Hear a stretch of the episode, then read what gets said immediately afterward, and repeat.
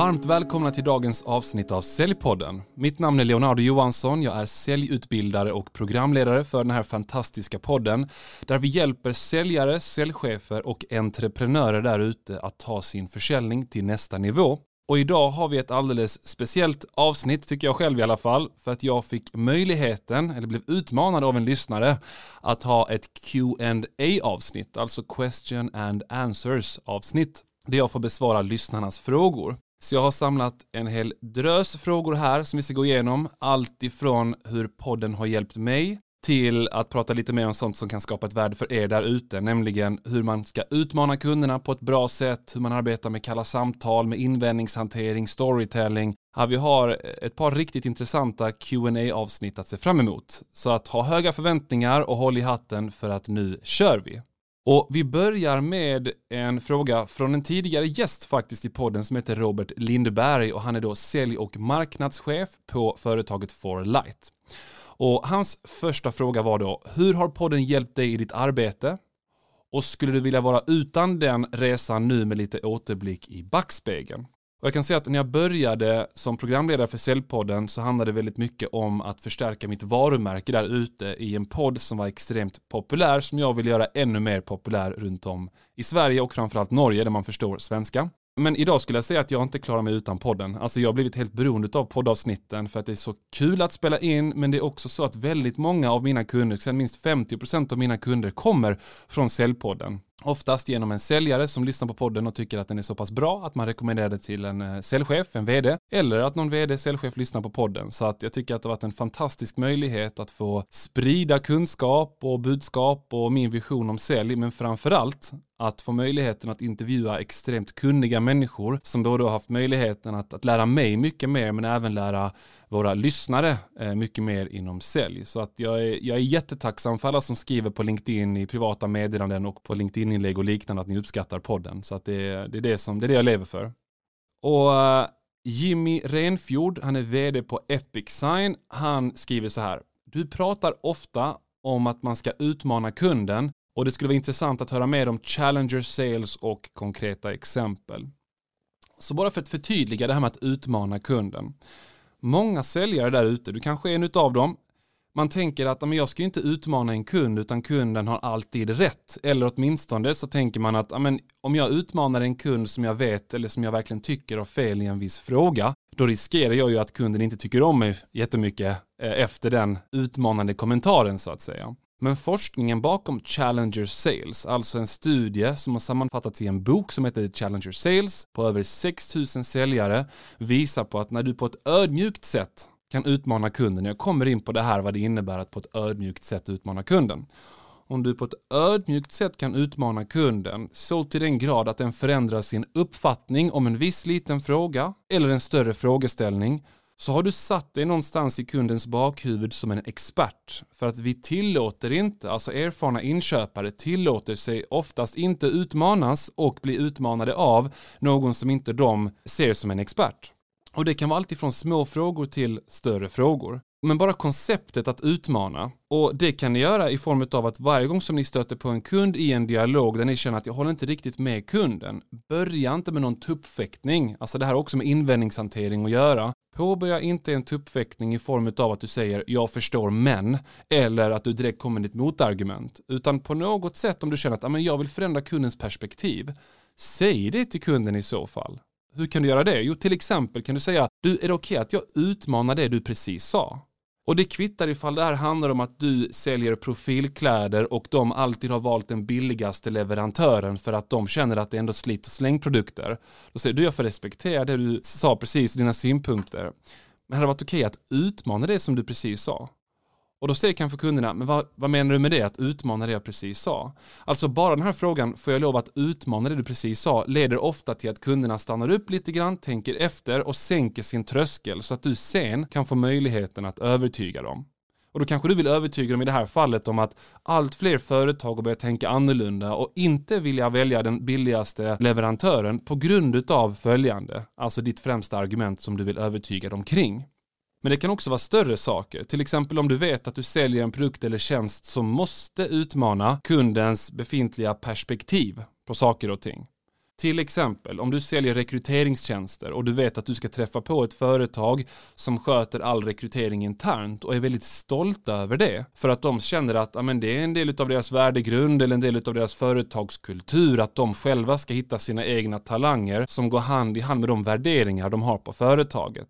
Och vill du utmana det så måste du eventuellt både kombinera extern forskning som bevisar hur många timmar man i genomsnitt lägger ner på en rekryteringsprocess eller extern forskning som visar på att när man tar in en kvalitetssäkrad rekryteringsfirma så ökar sannolikheten med 30 eller 40 procent att man får in en kandidat som faktiskt presterar enligt förväntningarna. Nu vet inte jag om den forskningen finns där ute men ofta finns det forskning som kan belysa de synpunkter, de argument som du också vill belysa i dina säljmöten. Alternativet med att utmana kunderna och någonting som jag känner funkar i i princip varje typ av säljprocess som finns där ute. Allt ifrån dörrknackning till om du säljer avancerade system. Det är att övertyga och utmana med hjälp av referenser.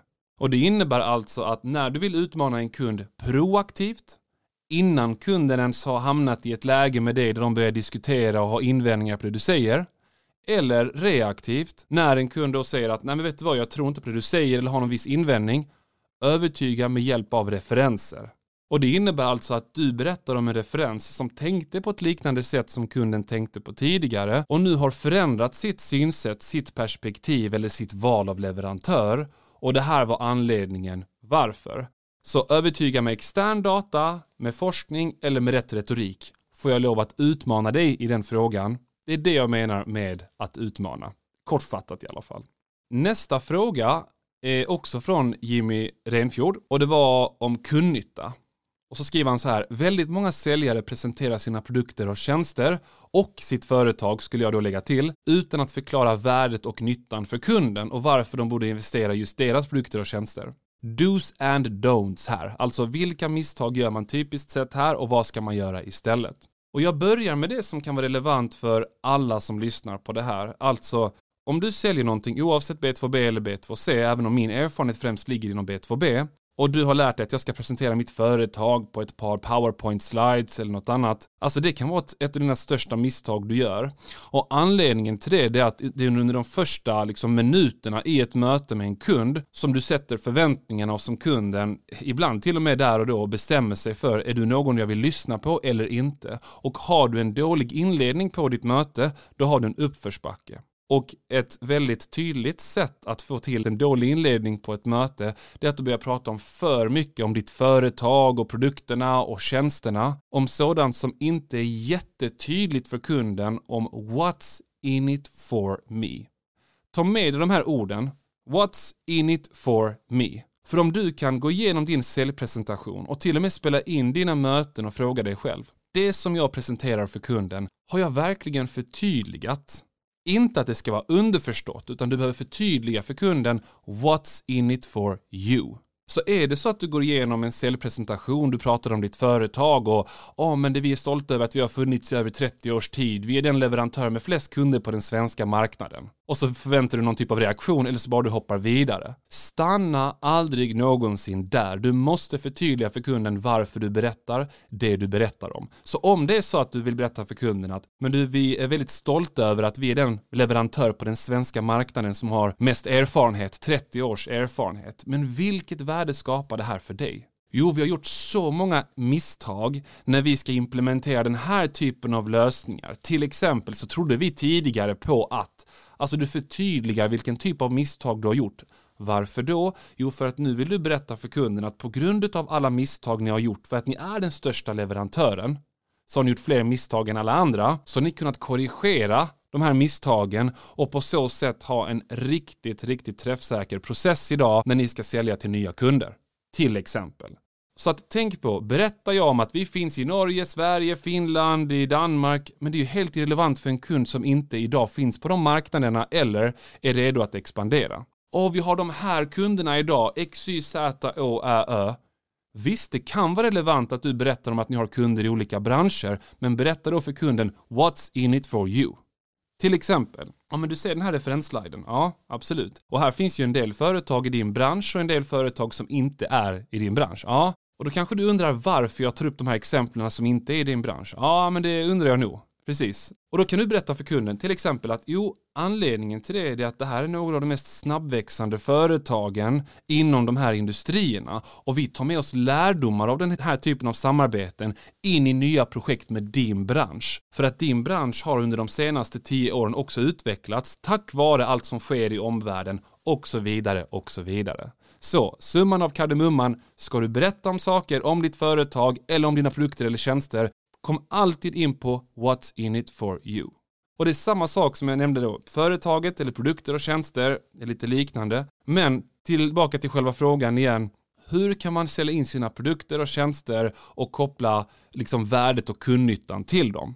Någonstans kräver det här antingen en riktigt bra behovsanalys, alternativt en kombination mellan att utbilda kunden, försöka fiska efter bekräftelser och en bra behovsanalys. Och att få till en bra behovsanalys tror jag att alla förstår vad det innebär. Du ställer frågor som gör att kunden förhoppningsvis blottar sig för ett visst behov de har som du kan tillfredsställa.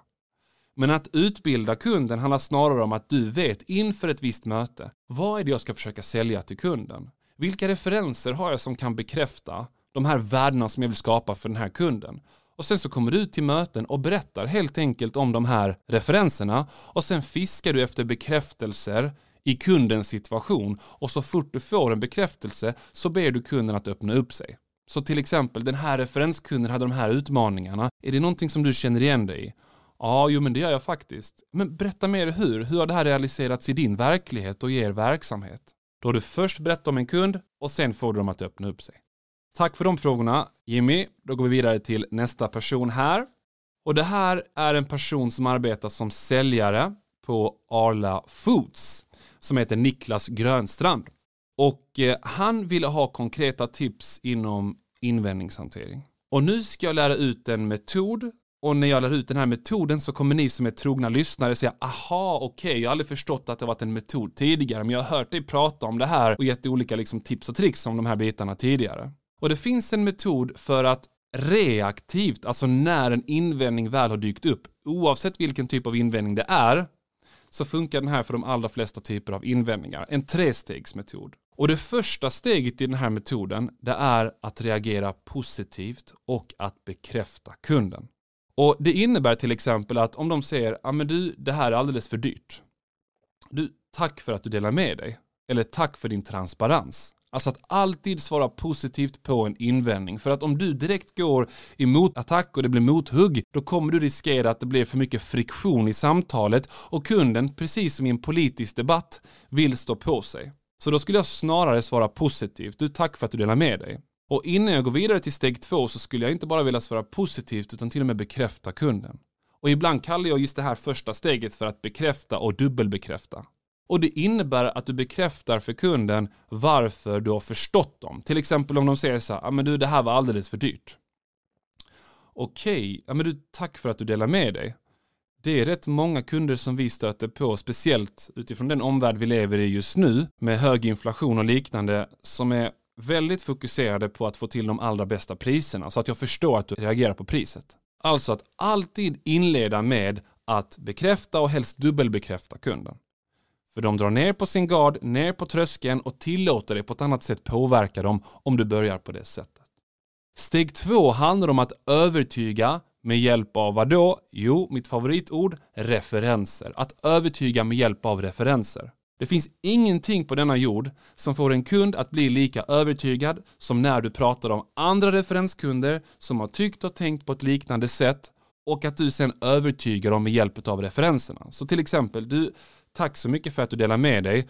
Det är väldigt många, speciellt utifrån den här inflationstakten och allt annat som sker i omvärlden, som just nu är ute efter de allra bästa priserna. Referenskund X i din bransch hade ett liknande synsätt eller kom in med ett liknande perspektiv innan vi inledde ett samarbete. Och att övertyga med hjälp av referenser innebär alltså att du sen förklarar varför tänker den här referenskunden annorlunda idag. Och din ambition med att göra det, det är att du ska övertyga den här personen du pratar med att de också ska kunna tänka, i alla fall öppna upp sina tankar för att fundera i liknande banor som den här referenskunden till slut tänkte. Och då kan du säga då att ja, och Anledningen till att de ändrade sitt perspektiv, det var att de såg att om de valde en leverantör som kunde stå upp för X1 och X2, alltså du till och med förklara vilka uspar ni har igen, eller förklara värdet av att inte välja den billigaste leverantören, så fick de ut det här värdet utav det. Så vilket argument du än vill framföra som ett motargument till kundens invändning, baka in en referens i det hela. Och steg tre, det kan leda till tre olika saker. Det beror på var du är i säljprocessen. Om du är i ett kallt samtal så skulle steg tre vara gå på avslut igen. Och det är därför jag vill få till ett möte, för att. Medan om du är i en annan del av säljprocessen där du vill få till en delaccept av kunden på att de köper in på det du säger så kan du säga Håller du med om att det även kan vara så för er? Precis det scenariot som jag förklarade om den här referenskunden som fick dem att ändra sin synpunkt kring att alltid välja den billigaste leverantören. Alltså du fiskar efter en delaccept, det är ett annat alternativ. Och det tredje alternativet som slutsteg, det är att du ställer en fråga till kunden. Alltså en mer öppen fråga. Som hade kunnat vara att du berättar om en referenskund och sen kanske du säger Men berätta gärna, har ni fått erfara något liknande hos er? Eller berätta gärna, är det här någonting som ni vill undvika att stöta på framåt? Så gå på avslut, delaccept eller en öppen frågeställning. Bra, det var det om invändningshantering. Vi kommer kanske in på fler frågor om invändningshantering lite senare beroende på vilka härliga frågor vi får från våra fantastiska lyssnare. Här har jag en annan fråga från en kille som heter André Assalin. Han är säljare på Bra Balans Företagshälsovård. Och han vill veta mer om hur man hanterar prisförhandlingar. Alltså främst argumentet för dyrt versus konkurrenter, alltså att ni är betydligt dyrare än era konkurrenter. Och det viktiga här, det är att man har tydliga unique selling points, alltså USPar. Vad gör er unika jämfört med konkurrenten? Och de här USParna som ni vill ha, de kan vara på tre olika nivåer. Första nivån, det är det jag kallar för företagskopplade USPar. Och det innebär alltså att finns det saker som vårt företag står för som leder till ett stort mervärde för våra kunder. Exempel på det nämnde jag tidigare i podden och det var att men baserat på att vi är den största leverantören av teknikprylar inom det här området i Sverige, alltså att man säljer in det som företaget som en leverantör. Baserat på det kan vi skapa det här värdet för er. Att då har vi också mest erfarenhet och har gjort flest misstag till exempel. Sen finns det nästa nivå och det är individkopplade USPar. Och det innebär, så här, finns det något mervärde av att de arbetar med just dig som säljare utifrån andra kunder du vet uppskattar att just du är deras säljare? Eller finns det någon annan på ditt företag som du kan sälja in? Till exempel har jobbat med många rekryteringsföretag som är duktiga på att sälja in sina kollegor. Alltså att de säger något i stil med följande under sina kundmöten om du skulle välja mig eller någon konkurrent till mig, det är ingen jättestor skillnad utåt sett på det vi erbjuder. Vi hittar personal, du kommer ändå få kvalitetssäkra dem i slutändan som du antingen rekryterar eller inte. Men det som särskiljer oss ifrån andra, det är att vi har Amanda Johansson här. Och Amanda Johansson har jobbat i 20 år i just er bransch med att hitta HR-talanger. Alltså att man säljer in en USP man har i en individ som antingen kan vara du själv eller någon annan. Och jag har ett tidigare poddavsnitt med en gäst som heter Daniel Palombo som berättar om hur han brukade när han då sålde björnkläder och konkurrerade med blåkläder, om inte jag minns helt fel, hur han brukade sälja in sig själv till och med i de kalla samtalen när kunderna sa att vi är nöjda med blåkläder idag. Så att lyssna gärna på det avsnittet ifall ni vill höra lite mer detaljerat om hur man kan sälja in sig själv som en USP, de här individkopplade USParna. Det tredje exemplet på USPar som finns idag, det är då tjänste eller produktkopplade USPar. Alltså en USP kopplad till din produkt eller tjänst som du erbjuder. Vad jag vill säga med det här resonemanget, det är att om inte du, innan du kommer in i ett förhandlingsläge, inte bara har informerat dem, utan till och med förankrat. Och vad innebär förankra? Jo, det innebär att du har kommunicerat en USP till en kund, till exempel genom att koppla den till en referens och varför referensen uppskattade den här USPen. Och sen har du fått kunden att bekräfta för dig i det här mötet du har med kunden att de värderar den här USPen. Så det räcker inte med att du inför ett möte säger åh, här är våra fem USPar. Jag väljer ut de tre som, jag, som bör vara mest relevanta utifrån den här kundens bransch de befinner sig i eller situation. När du har berättat dina stories kopplat till de här USParna, fråga då kunden är det bara jag eller ser du också att det här nästan är en förutsättning att en leverantör lever upp till när ni ska välja en ny leverantör inom den här typen av tjänster eller produkter? Alltså den USPen som du har förklarat. Som du säljer till exempel mjukvara, system och du då säger att Ja, en av våra unique selling points som vi har, det är att vi har lagt så här mycket tid och till och med flera miljoner på att hitta det bästa sättet att implementera ny mjukvara på, så att det inte bara blir pengar i sjön, utan att ni faktiskt kommer att använda mjukvaran. Och så kanske man förklarar hela det konceptet, hur det fungerar, och sen kan man ställa en fråga till kunden. Till exempel genom att säga något i stil med jag baserat på min erfarenhet anser att det här är den viktigaste biten att tänka på när ni väljer en ny leverantör oavsett om ni ska välja oss eller någon annan. Men håller du med om det, vikten av att välja en leverantör som verkligen är experter på att se till att era användare använder systemet? Jo, absolut, ja, men det, det håller jag med om. Fiska sen efter varför. Okej, varför tycker du att det är så viktigt? Om du gör det här tidigt i processen så har du en väldigt stark anledning till att du inte ska ha det billigaste priset jämfört med konkurrenter. Så att när du, André, får den här frågan, ja ah, men det är för dyrt jämfört med konkurrenter, den lösning som du erbjuder. Då kan du säga något i stil med, ja ah, men tack så mycket, alltid svara positivt, tack så mycket för din feedback. Jag ville bara fråga dig innan jag går in på den diskussionen.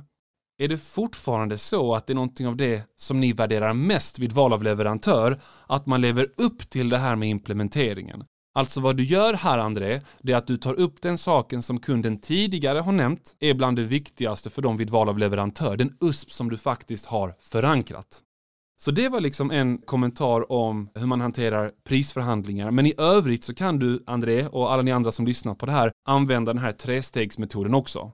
Bekräfta, dubbelbekräfta, alltid svara positivt, övertyga med hjälp av referens och sen gå på avslut, delaccept eller en öppen fråga för att bemöta många typer av prisförhandlingar. Det som gör det lite annorlunda är att man måste ha en USP också, helst ha en USP, för att då är det lättare för er att återigen motivera för kunden varför ni är lite dyrare än konkurrenterna. Evelyn Kronqvist, hon är grundare på Lead CC och eh, hon skriver att hon vill veta mer om Kalla samtal. Och när jag sen ställer en följdfråga till henne då, men vad vill du veta mer om Kalla samtal? Så handlar det mycket om inledningen av det kalla samtalet. Och det här är någonting som jag sett många säljare begå rätt mycket misstag kring. Alltså, jag har haft det här i podden, en diskussion om det också. Ska man ställa frågan, hur är läget? Hur står det till idag? Hoppas allting är bra. Min ståndpunkt är nej. Ställ inte den frågan, för även ifall det finns någon ensam vd där ute som bara längtar efter att en säljare ska ringa dem och ställa frågan om hur de mår, så finns det så många fler som kommer bli irriterade där du måste kämpa i uppförsbacke när du väl drar den typen av inledning. Så vad kan du göra istället? Jo, jag skulle rekommendera dig att arbeta med det jag kallar för referenspunkter. En referenspunkt är alltså inte samma sak som en referens. En referenspunkt är någonting du inleder samtalet med som ska vara som en gemensam nämnare. Alltså någonting du hänvisar till om en viss research du har gjort om det här företaget, om den här personen som leder till att du till exempel vill bolla en idé med dem, vill prata lite kort med dem och jag kommer in på ungefär hur det här kan låta. Men det kan vara någonting som du har hittat på deras hemsida om du arbetar B2B. Det kan vara någonting du har läst om personen, vad de har skrivit på LinkedIn, vad företaget har skrivit på LinkedIn och det är det du ska hänvisa till det allra första du gör. Men det behöver inte nödvändigtvis vara någonting som du har hittat på deras hemsida. Det kan också vara så att du hänvisar till att du under morgonen hade en diskussion med en kollega om potentiella drömkunder och deras namn kom upp på tal eftersom du har sett att de nyligen öppnat upp ett nytt kontor i Helsingfors eller något liknande. Men inled med det här i samtalet så minskar du risken med över 22% visar min studie på 1200 kalla samtalsanalyser du minskar risken med 22% att kunden avfärdar dig tidigt i samtalet. Så det kan låta ungefär på det här sättet. Hej, det var Maria. Hej Maria, Leonardo heter jag och ringer från Lion Competence. Ja men hej. Du, jag var inne på din LinkedIn-profil här för ett par dagar sedan och förhoppningsvis så ringer mitt namn någon klocka, Leonardo Johansson, då vi har kontakt på LinkedIn. Och jag läste om att du skrev om följande. Eller jag såg att du hade lagt en kommentar om följande, vilket fick mig att vilja bolla en idé med dig lite kort. Eller vilket fick mig att vilja prata med dig lite kort. Du vill få personen att känna att de inte är ett namn på en lång lista och du vill även få personen att känna att det här samtalet kommer inte vara ett jättelångt samtal. För du ringer nästan alltid och stör. Alltså du ringer alltid olägligt, olämpligt, när de sitter och gör någonting annat. De eh, ska precis förbereda sig inför ett möte och liknande och därför vill du helst inte fråga dem ifall de har ett par minuter över. Det kan du göra ifall det är en befintlig kund, men det är mycket bättre att fråga om de har tid över genom att inte fråga om de har tid över. Förslagsvis genom att då säga och det här fick mig att vilja bolla en idé med dig lite kort. Eller och det här fick mig att vilja prata med dig lite kort. Så hänvisa till någonting, någon research du har gjort och sen avsluta på det sättet som jag precis nämnde så ökar du sannolikheten att de kommer låta dig prata med dem.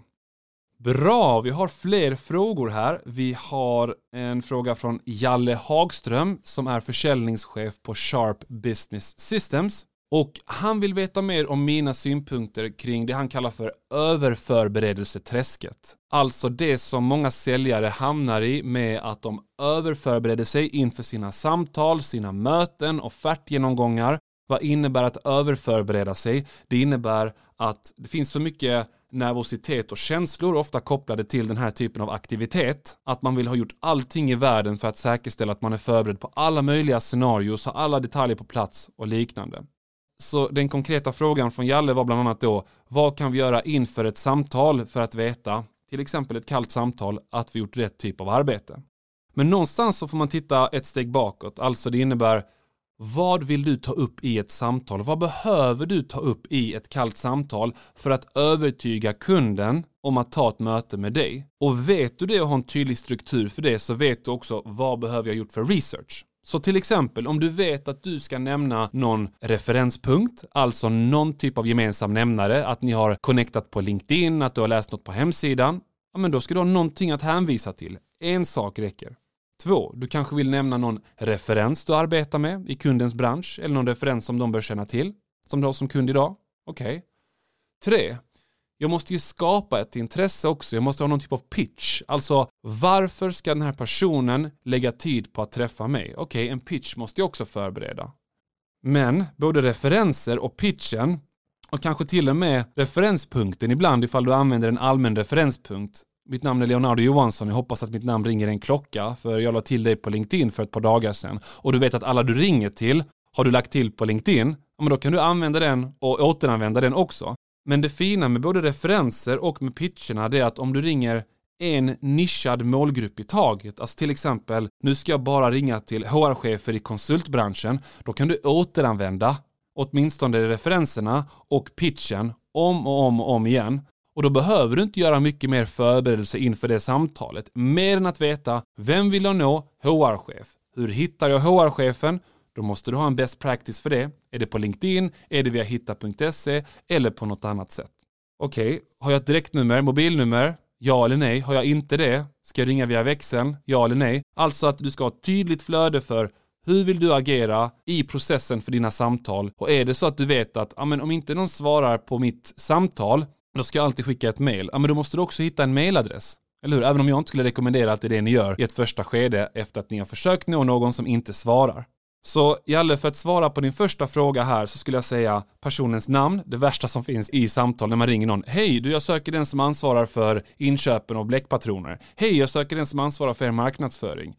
Do your research innan du ringer, vet i alla fall, eller ha en kvalificerad gissning om möjligt, om den som ni vill nå. Och det här är också det fina i kråksången att även ifall ni når någon som ni vet inte är den som ni vill få till ett möte med eller sälja till, men som är en C-level beslutsfattare, alltså en VD, marknadschef, inköpschef, HR-chef och liknande, och pitchar för dem, bara det faktum att ni pitchar för dem ökar sannolikheten att de ger er rätt person att prata med och att ni till och med sen när ni pratar med rätt person kan hänvisa till du, jag pratar med din VD Marcus om det här och eh, enligt mig så verkar det vara intressant men han sa att det var det jag skulle pitcha det för. Jaha, okej, okay, vad handlar det om?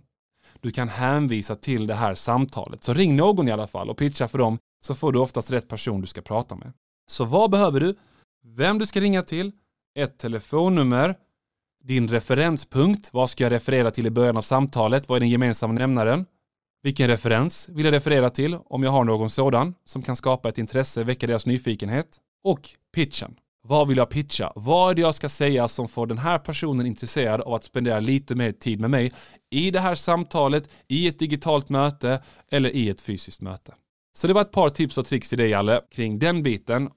Och det var de frågor och svar vi hade att bjuda på idag. Jättetacksam för att det har kommit in nya frågor och svar från er lyssnare där ute. Fortsätt och bara lägg till mig på LinkedIn, Leonardo Johansson och ställ era frågor i direktmeddelanden, DMs eller skicka mig ett mail på leonardo lioncompetence.se. Jag tror att LinkedIn är enklare där, Leonardo Johansson. Stort tack för dagens avsnitt och jag ser fram emot att spela in nya Q&As med er framåt. Så ha det nu så bra, ha en fantastisk dag, kväll, helg när ni än lyssnar på detta. Ciao!